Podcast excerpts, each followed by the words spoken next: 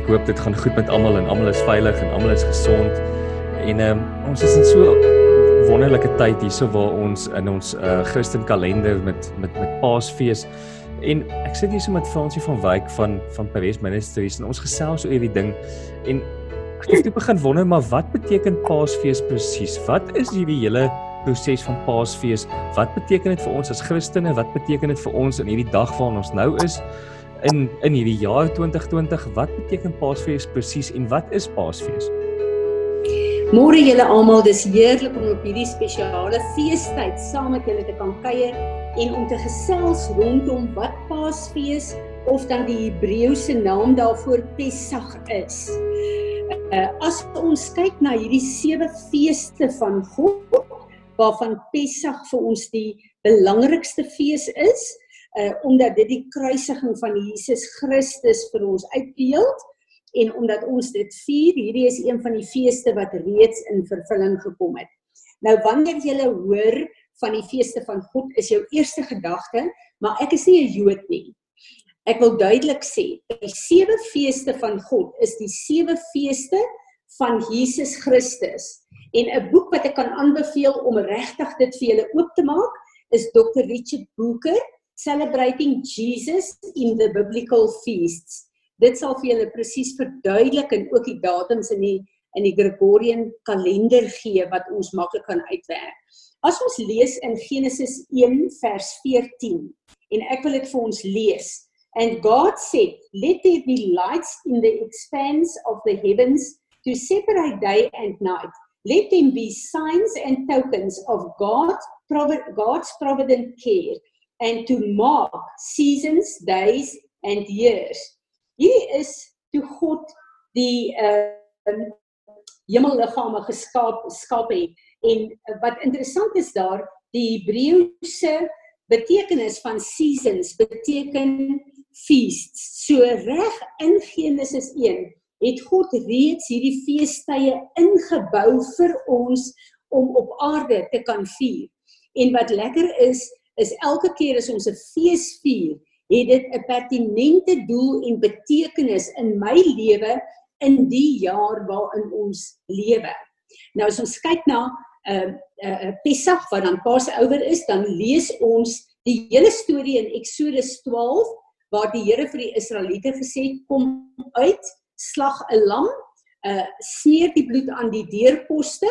Ek wil julle uit Egipte uitvat na uh die beloofde land toe.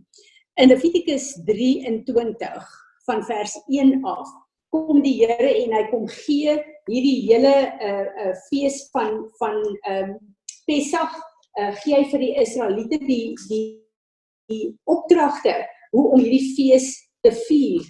En wat baie belangrik is vir ons as uh kinders van die Here is hoekom vier ons dit dan nou nog steeds in uh 2020? Is hierdie goed nie verby nie? En ek wil Levitikus 23 vers 1 net vir julle lees.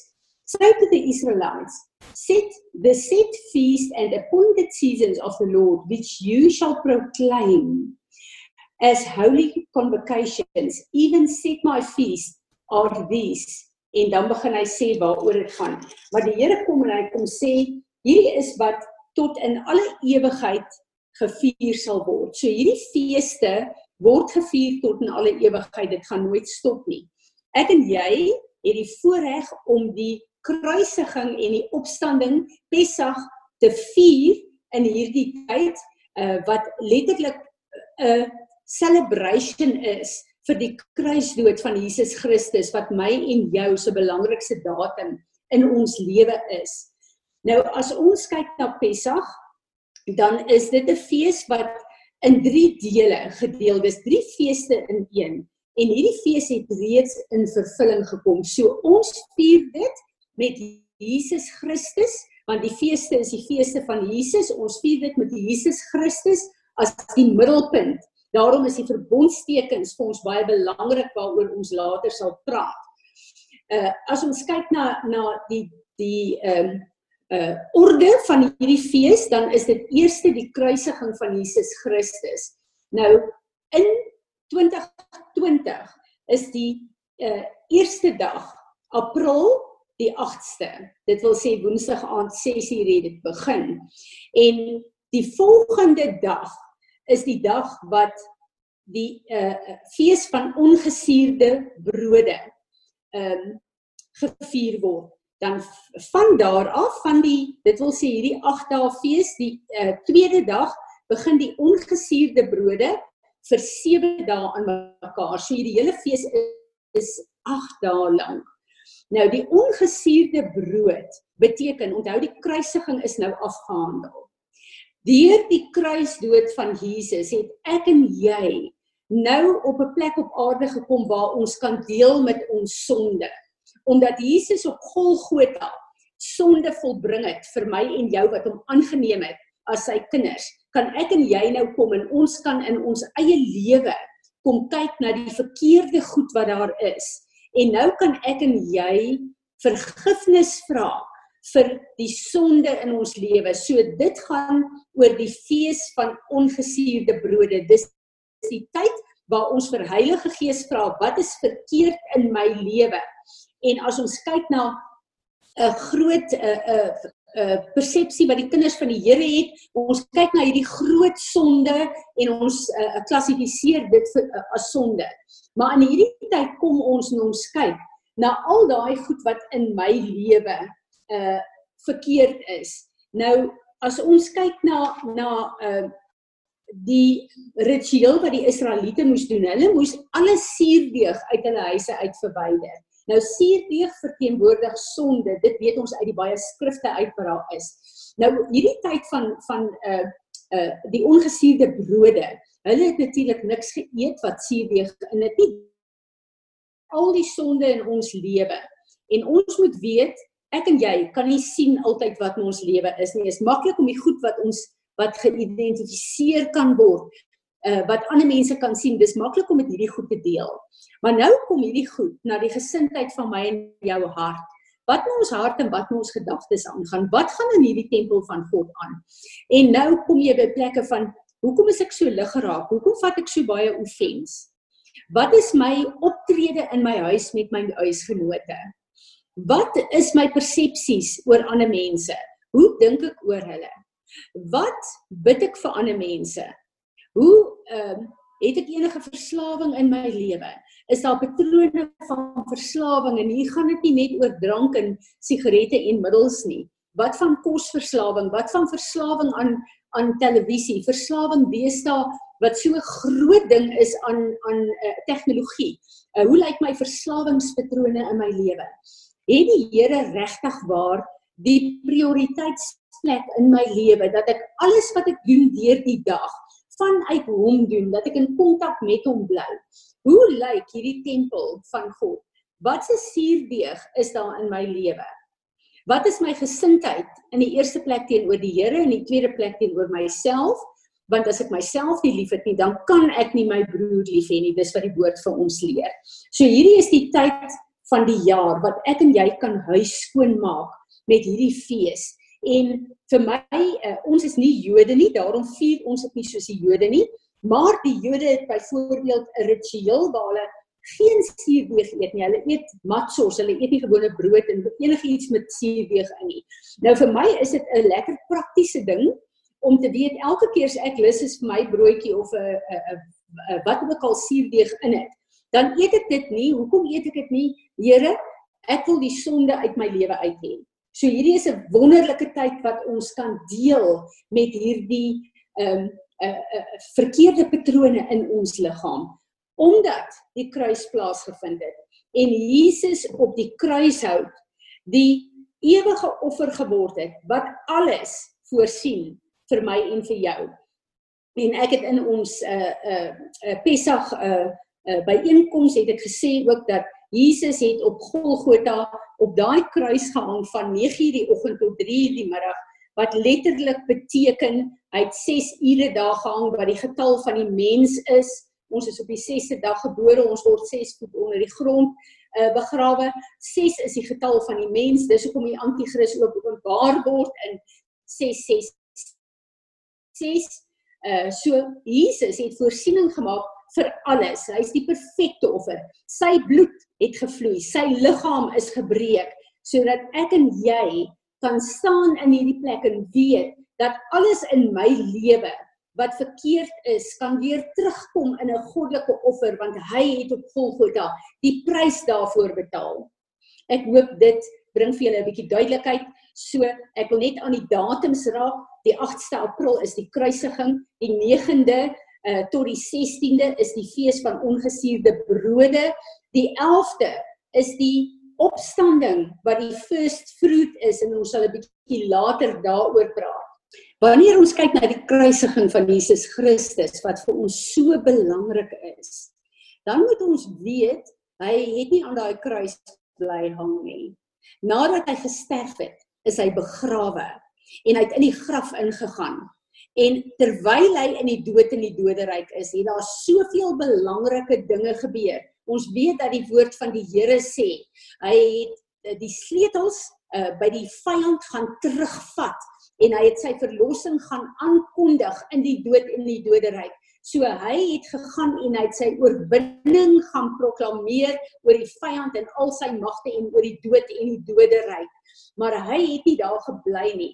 Die belangrikste vir my en jou as kind van die Here is dat hy opgestaan het. Die feit dat hy opgestaan het het hom die eerste vrug gemaak. Ons sal uh, deel wat die eerste vrug is, hoe belangrik dit is, maar omdat hy opgestaan het, kan ek en jy lewe. As Jesus in die graf gebly het, dan was daar nie vir my en jou 'n pad gewees nie, maar omdat hy opgestaan het, verklaar dit, hy het nie net ons sonde op die kruis gedra nie, maar hy het ook sonde oorwin, hy die dood oorwin. Die ewige dood is oorwin tot in alle ewigheid. En daarom kan ek en jy hierdie totale fees vier van hy het opgestaan. En omdat hy opgestaan het, kan ek en jy deur die deur wat Jesus is inkom in die koninkryk van ons God in. So Piet, wanneer ons nou dink dat ons in hierdie tyd is waar ons begin met die ongesuurde brode, het ons 'n verwagting en 'n afwagting.